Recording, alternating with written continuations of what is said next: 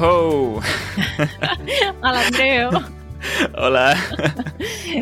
Ja estàs en plenes festes, eh? Gairebé, gairebé. Tot i que jo no sóc de celebrar el Pare Noel, la veritat. No sé si a casa No. teva el feu. No, no, no. No, celebrem No, no. el tió, els reis, tot això sí, però el Pare Noel no. Sí, a casa meva igual. Celebrem Nadal, Sant Esteve, que és el dia següent, cap d'any, Sí. però això es fa més amb, amb els amics, no? Sí, I després Reis. Exacte. Mhm. Sí, el mateix, el mateix a casa. Sí, sí. Però sí que és veritat que tinc molts amics que celebren el Pare Noel, també. I fan el tronc de Nadal i el Pare Noel. Ah, sí? Sí, jo ho trobo excessiu, no? Perquè al final són molts regals. Sí, jo penso que ja són masses ara, imagina't amb més. Sí, sí. I bé, que, com va, Sílvia? Què has fet aquests últims dies? Doncs mira, no gaire res, vull dir, gaire res diferent del normal. Però una cosa sí que estem preparant amb la Sònia, que ja la coneixeu Mhm. tots, amb la Sònia estem preparant per fer GIFs, o sigui, com paraules o imatges en moviment, Sí? per poder penjar més emoticones i més GIFs en les històries, en les històries d'Instagram i també perquè ho pugui fer servir gent que vulgui fer servir aquestes emoticones en català, perquè la veritat és que n'hi ha molt poques i hem pensat que pot ser una cosa bona per a tothom. Ah, que bé. I ja en tenim alguns disponibles no, o què? perquè, o sigui, primer s'han de fer, que, que és bastanta feina, i una Mhm. vegada estiguin fetes, llavors hi ha un programa que t'ha de reconèixer que no ets cap mm, hater o que no ets ningú dolent, i un cop t'han reconegut, llavors tothom té accés als GIFs que has preparat. Llavors, el procés és una mica més llarg del, del previst, però no passa res. Ah, molt bé. Doncs vaig veure que fa poc va sortir una iniciativa a Twitter que es diu GIFs en català, si no Mhm. m'equivoco, i que també fan, o sigui, precisament això, no? perquè s'han adonat que falten molts GIFs eh, en Mhm. català i que cal fer-ne. Llavors, és un noi que és català i viu a l'estranger, no sé si a, als Països Baixos Mhm. o per allà, però és molt activista per la llengua i ara ha creat aquest Ah, projecte. bé. Aleshores, mira, doncs també seran altres GIFs que podrem difondre nosaltres, no? Ah, molt bé, doncs no ho coneixia, ho buscaré també.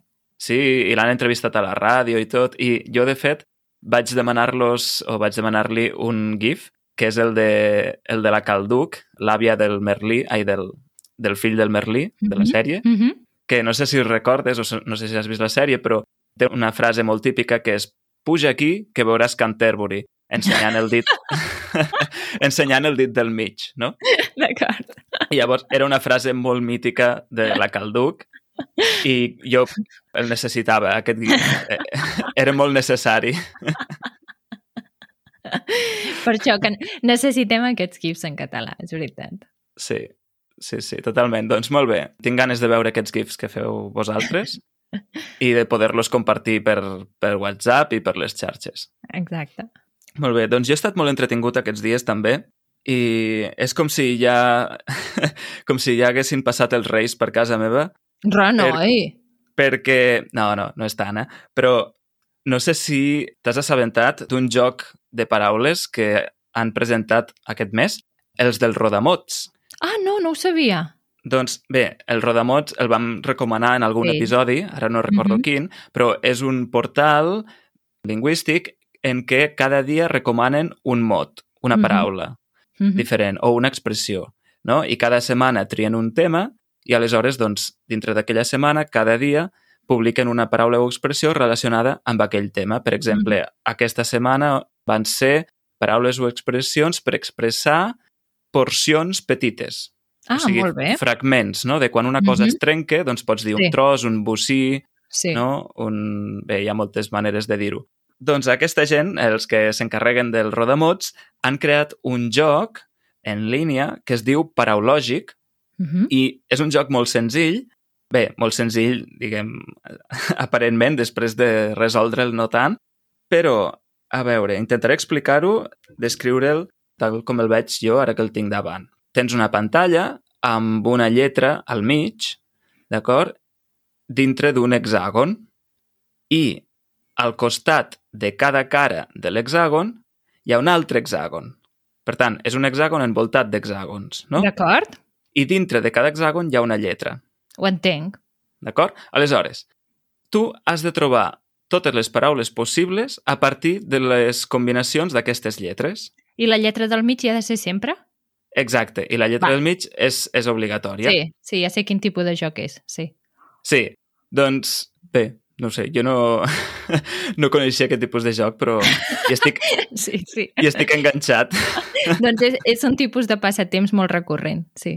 Ah, mira, doncs jo no el coneixia i, i, no, i la web està, o sigui, funciona molt bé, el disseny és molt minimalista però molt bonic i jo ja fa uns dies que, que això, que estic enganxat. Aleshores, el, el que m'agrada és que tu vas trobant paraules i et diu, doncs, les que et falten per arribar al màxim de paraules possibles i la puntuació i també pots consultar els resultats de la paraula del dia anterior. O sigui, cada ah, dia molt bé. cada dia es renova, Mm -hmm. es renoven les lletres i llavors pots consultar les solucions del dia anterior. Mm -hmm. Sí, i no, no cal registrar-s'hi, crec que et detecta per la IP Mm -hmm. i si, per exemple, tanques el navegador i després hi tornes a entrar, et recorda les paraules que ja has trobat. Ah, molt bé. Vull dir que sí, sí, està ben pensat, està, està ben molt fet. bé. Molt bé. Ah, i una altra cosa que m'agrada molt és que quan tu trobes una paraula, et dona la definició d'aquella paraula del DIEC, del diccionari. Ah, molt bé. Perquè Sí. potser, potser vas provant i et surt una paraula que és correcta, i però no saps què significa. Simplement has anat provant lletres i al final ha sortit, no? Exacte, o has Ja. escrit una paraula que et sonava, que t'ha vingut al cap, però que potser no tens molt clar quin Mhm. significat té, i llavors el tens allà mateix. Ah, molt bé. Sí, està molt bé, paraulògic. molt bé.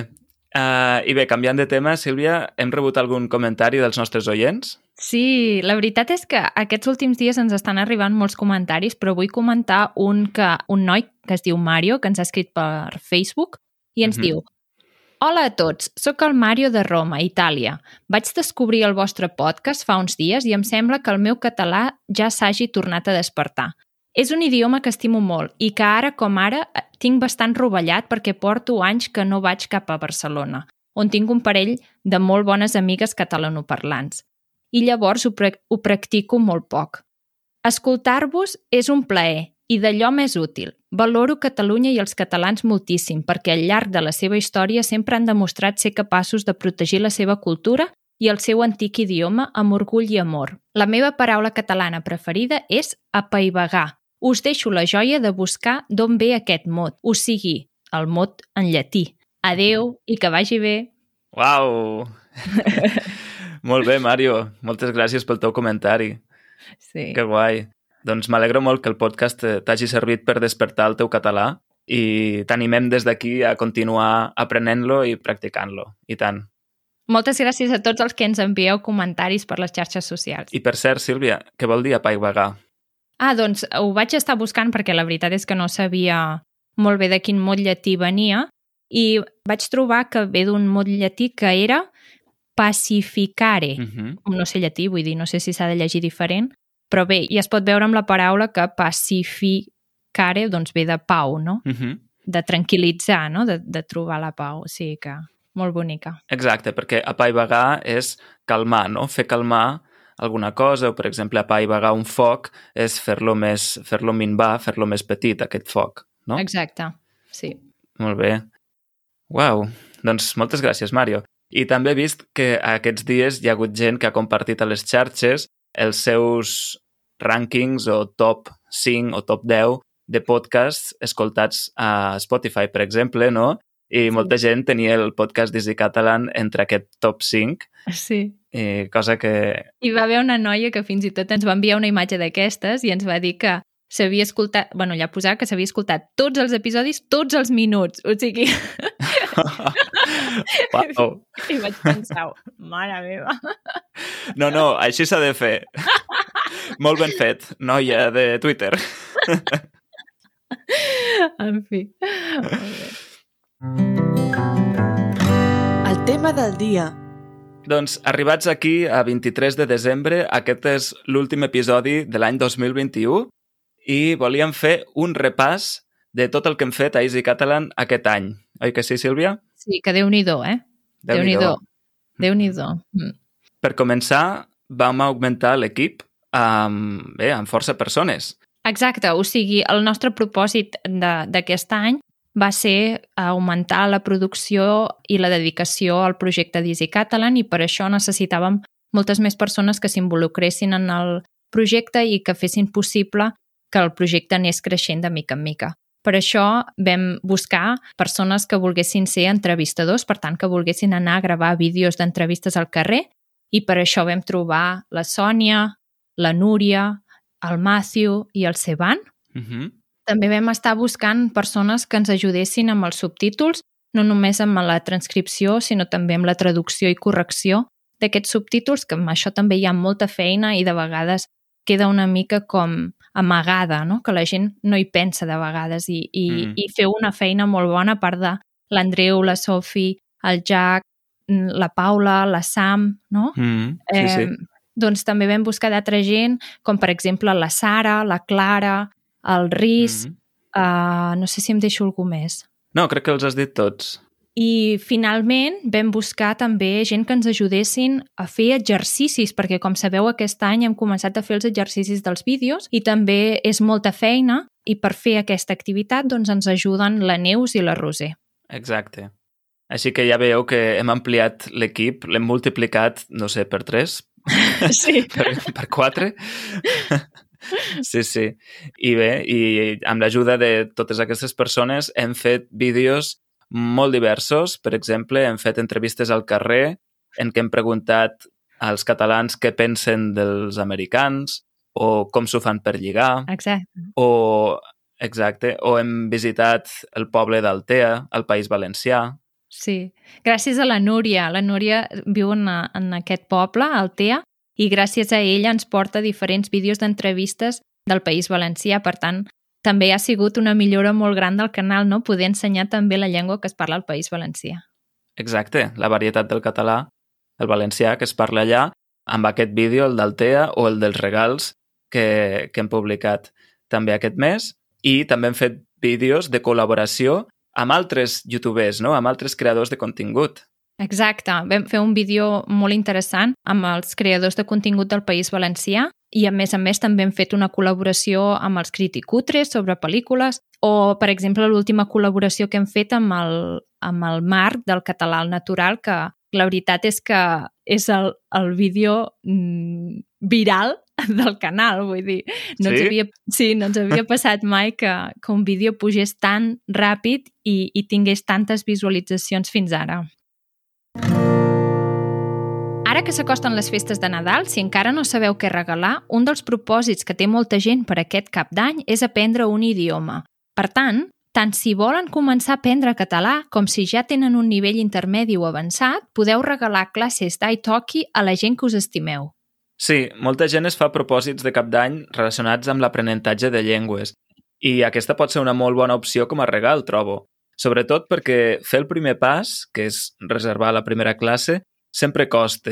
I si t'ho regalen, ja ho tens més fàcil. Totalment d'acord. Si creeu un compte nou amb l'enllaç go.italki.com barra easycatalanpodcast, després d'haver reservat la primera classe o paquet de classes, que us surt a un preu més econòmic, italki us regalarà crèdits per valor de 10 dòlars per a les següents classes. Així, ja no serà només un propòsit, sinó que hi haurà un professor o professora que els acompanyarà durant el seu aprenentatge i els motivarà a assolir els seus objectius. Exacte. Això és el que ens va explicar en Kenny en l'episodi anterior. Te'n recordes, Andreu? Mm. Que ell, després d'una classe d'italki, diu que té més energia que abans de començar-la i això és perquè ha trobat uns bons professors que el motiven i l'animen a continuar. Sí, i a més, si us agrada aprendre llengües pel vostre compte, de manera autònoma, tenir un professor o tutor particular de tant en tant us pot ajudar molt a avaluar el vostre progrés, ja que us poden donar feedback sobre el que feu bé i el que podeu millorar. Exacte. Nosaltres, amb el Joan, ara hem començat a fer classes d'anglès a través d'italki amb una tutora que ens agrada moltíssim uh -huh. i que recomanem l'experiència a tothom, perquè la veritat és que no trobàvem mai el moment de posar-nos a estudiar anglès uh -huh. i ara, amb aquest fet, amb trobar classes particulars a Italki, la veritat és que estem molt contents. Que bé. Fantàstic. Doncs ja ho sabeu, registreu-vos a italki amb l'enllaç go.italki.com barra easycatalanpodcast per gaudir d'aquests crèdits gratuïts després de la primera classe. Déu nhi I bé, i també hem fet vídeos super easys, no? A part dels d'entrevistes, hem fet super easys sobre els verbs en passat, o la Sara va protagonitzar un vídeo sobre les peces de, de roba en què també hi apareixien la Lara, una noia alemanya, i el Joan. Exacte. Van anar a Sant Feliu de Guíxols i, a part d'ensenyar-vos de, aquest vocabulari, és un vídeo molt bonic per veure la, la Costa Brava. I finalment, doncs, també hem fet vídeos en directe. Hem fet diversos directes aquest any, oi que sí? Exacte, sí, per celebrar diferents fites o diferents objectius que hem anat aconseguit, sigui de subscriptors al canal o de, de seguidors a les xarxes o perquè hem assolit un objectiu també a Patreon i hem fet doncs, dos concursos i l'últim mm -hmm. que vam fer va ser un directe on contestàvem preguntes que ens havíeu fet i va ser, va ser molt divertit, no, Andreu? Sí, va ser molt divertit i el més divertit de tot és que jo vaig enviar l'enllaç als meus pares perquè miressin el directe i em van enviar una foto després de la pantalla i estaven mirant el directe anterior. O sigui, el directe del concurs, del, el segon directe que vam fer, no? En fi, la qüestió és que van mirar un directe, no? Sí, van mirar un directe en diferit. Són uns cracs. Per què no, Andreu? Per què no? Sí. Si són feliços. Sí, exacte. Això és el que importa. Exacte.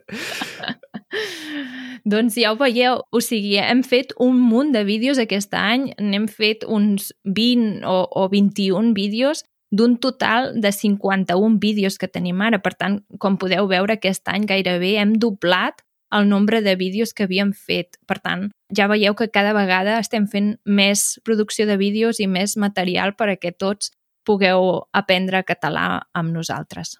Em sembla al·lucinant sentir la xifra de 50 vídeos ara mateix. o sigui, és, és moltíssim. I bé, hem de recordar que hi ha vídeos, els que vam fer al principi de tot, que estan publicats al canal d'Easy Languages. Per tant, si heu vist tots els vídeos del canal d'Easy Catalan i en voleu veure més, en podeu trobar també al canal d'Easy Languages, que és on vam començar a publicar-los inicialment. Exacte. Si entreu al canal d'Easy Catalan de YouTube, hi ha llistes de reproducció.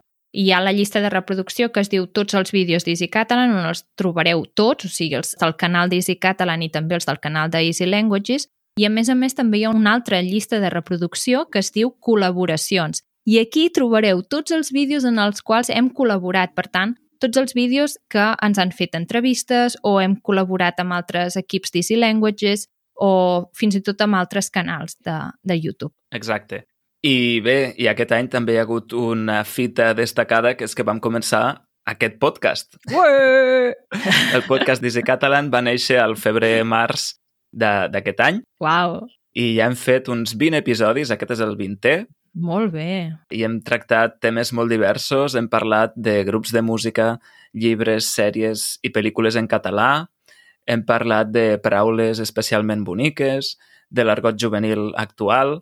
Mm. Hem tractat també els motius per aprendre català, que sempre n'hi ha molts i molt diversos i això ens ho demostren els membres de Patreon, els, els membres de la comunitat, cada cop que es presenten i ens expliquen per què estan aprenent aquesta llengua. Sí, és veritat. I sempre ens sorprenen. Sí. Hem parlat del món casteller amb el Sergi, hem tractat l'aprenentatge de llengües amb diferents persones que n'aprenen moltes, com la Briana, l'Anna, el Kenny o la Laura de Couch Polyglot. Hem fet un tutorial també sobre com reservar ah, taula sí. en un restaurant i fer-ho en català, que és molt important. Hem parlat d'experiències de, en pisos compartits. Ai, boníssim. Sí, sí. Hem fet un total de cinc entrevistes. déu nhi i tot això al final són 11 hores i mitja de podcast que teniu, que teniu per escoltar tantes vegades com vulgueu. En bucle. Sí. En aquest sentit, mm, moltes gràcies a tots els que ens heu fet confiança i ens heu escoltat al llarg d'aquest any i que heu escoltat els nostres episodis. Sí. A mi se'm fa una mica difícil pensar que algú ens pot escoltar tanta, tanta estona. Sí, és veritat. Jo també volia agrair també a la Sara que, uh Mhm. -huh. que hagi vingut aquí al podcast i que s'hagi atrevit a fer dos episodis amb tu, Andreu, perquè hi ha molta gent que també li fa respecte, eh? O sigui, va- venir aquí a fer els episodis, per tant, mm, espero i desitjo que el pròxim any puguin venir moltes més persones i membres de l'equip a fer episodis amb nosaltres perquè de mica en mica els aneu coneixent a tots. Exacte. I bé, i l'última dada que volia compartir és que ens han escoltat des de 95 països diferents. Uau! Els cinc principals després d'Espanya són els Estats Units, el Regne Unit, Alemanya, França i el Brasil, seguits de Mèxic, Canadà, Japó, Rússia i Itàlia. Molt bé. No està Déu-n'hi-do. malament, no? No, no, no. Vull dir, ja, gairebé tenim presència a, a, a tots els continents, eh? Molt bé, Sí, sí. molt bé. Doncs això, moltes gràcies a tots els que ens escolteu. De fet, em va sorprendre molt que un dels països principals no, des d'on es escolten sigui, per exemple, Japó. Oi, sí, és curiós, no? És curiós que sé que a Japó hi ha lectorats de català, per tant hi ha persones que estudien el català des de la universitat mateix i segur que hi ha algú que l'aprèn pel seu compte, però bé, no deixa de ser interessant, no?, que ens escoltin Ja. des de l'altra punta del món. Sí, sí, sí, totalment. Vull dir, és que no només Japó, vull dir, a mi em sorprèn que sigui qualsevol país que no sigui el nostre, vull dir. Clar, perquè és que, a veure, Andreu, no sé jo, que gent de Brasil o... És que qualsevol país, tant és. És que em sembla curiós. Ja, però, per exemple, tenint en compte que als Estats Units i Alemanya hi ha molts lectorats, moltes universitats que ofereixen classes de català, doncs, no sé, no, no et sorprèn tant, no? I també hi ha molts catalans que viuen allà, en aquests països. Sí, això també és veritat. o, per exemple, a Mèxic hi ha molts mexicans que són d'origen català, o sigui, que tenen ante- antepassats catalans, no?, de quan van emigrar en èpoques passades, Mm -hmm. O a l'Argentina. Sí, és veritat, sí, sí. No sé, bé, en fi, a mi em sorprèn, sigui d'on sigui la gent. Sí, sí. Així que, com ha dit l'Andreu, moltíssimes gràcies a tots els que ens escolteu i esperem que continueu fent en el pròxim any. L'expressió de la setmana. Molt bé, i ara que som a les portes de les festes de Nadal, de Cap d'Any, Reis i això, creiem que el que és necessari és que parlem de les expressions que fem servir per desitjar les bones festes, no? Exacte, exacte.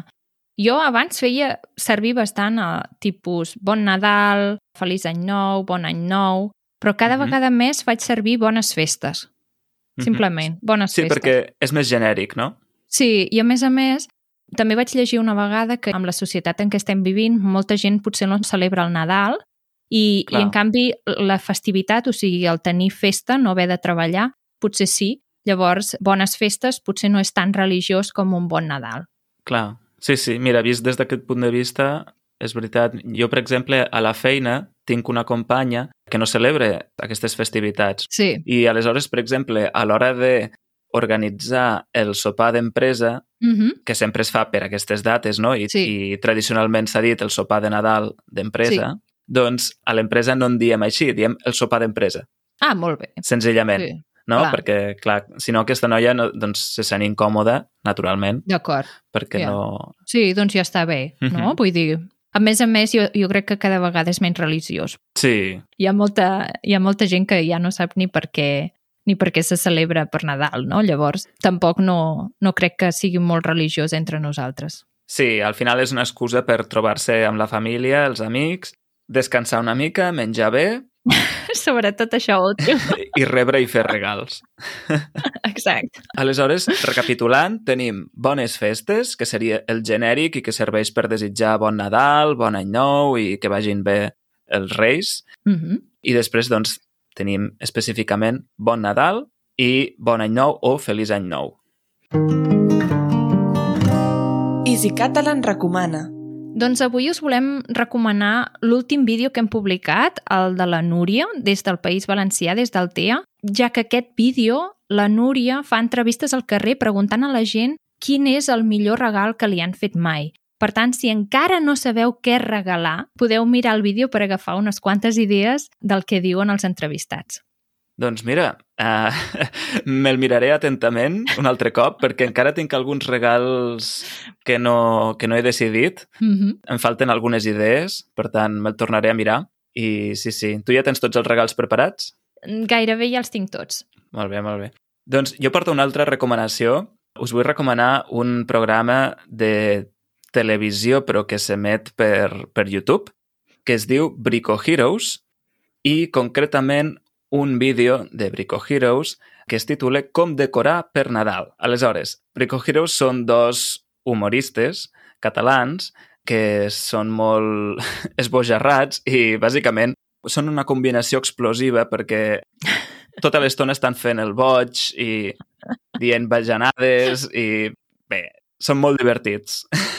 A mi m'encanta Brico Heroes perquè sempre que estan... bueno, cal explicar que aquest programa, o sigui, es diu Brico Heroes perquè ells munten, o sigui, intenten ensenyar com fer alguna feina de casa de bricolatge. Exacte. El que passa és que sempre és amb toc de broma i si voleu aprendre alguna cosa, doncs la veritat és que no, no aprendreu res. I, I em fa molta gràcia perquè sempre tinc molta por que es faiguin mal. Sí. Perquè és que veig sempre els dits molt a prop de les eines. Però per sort no ha passat mai. que sapiguem nosaltres. Exacte. Clar, doncs sí, són això, són tutorials de bricolatge, és a dir, per fer coses doncs, amb serres, martells, claus, serres mecàniques i tot això. I aleshores aquest vídeo que us recomano, el de com decorar per Nadal, és molt divertit i ensenyen a fer un arbre de Nadal decoratiu, no el típic arbre que us podeu imaginar, i un tió, un tronc, que dic jo, un tronc de Nadal. I doncs si, si no teniu tronc de Nadal o tió i en voleu fer un, potser aprendreu una mica com es fa. Però el que és segur, el que és segur és que riureu perquè és un, Sí. és un programa molt divertit. Doncs, Sílvia, arribats aquí, et desitjo molt bones festes. Espero que gaudeixis molt amb la teva família i o amics Igualment, Andreu, que vagi molt bé. i que et facin molts regals. Això, això, i que siguin del teu, del teu gust. Doncs vinga, ho deixem aquí i ens sentim l'any que ve. Que vagi bé. Adeu! Adeu.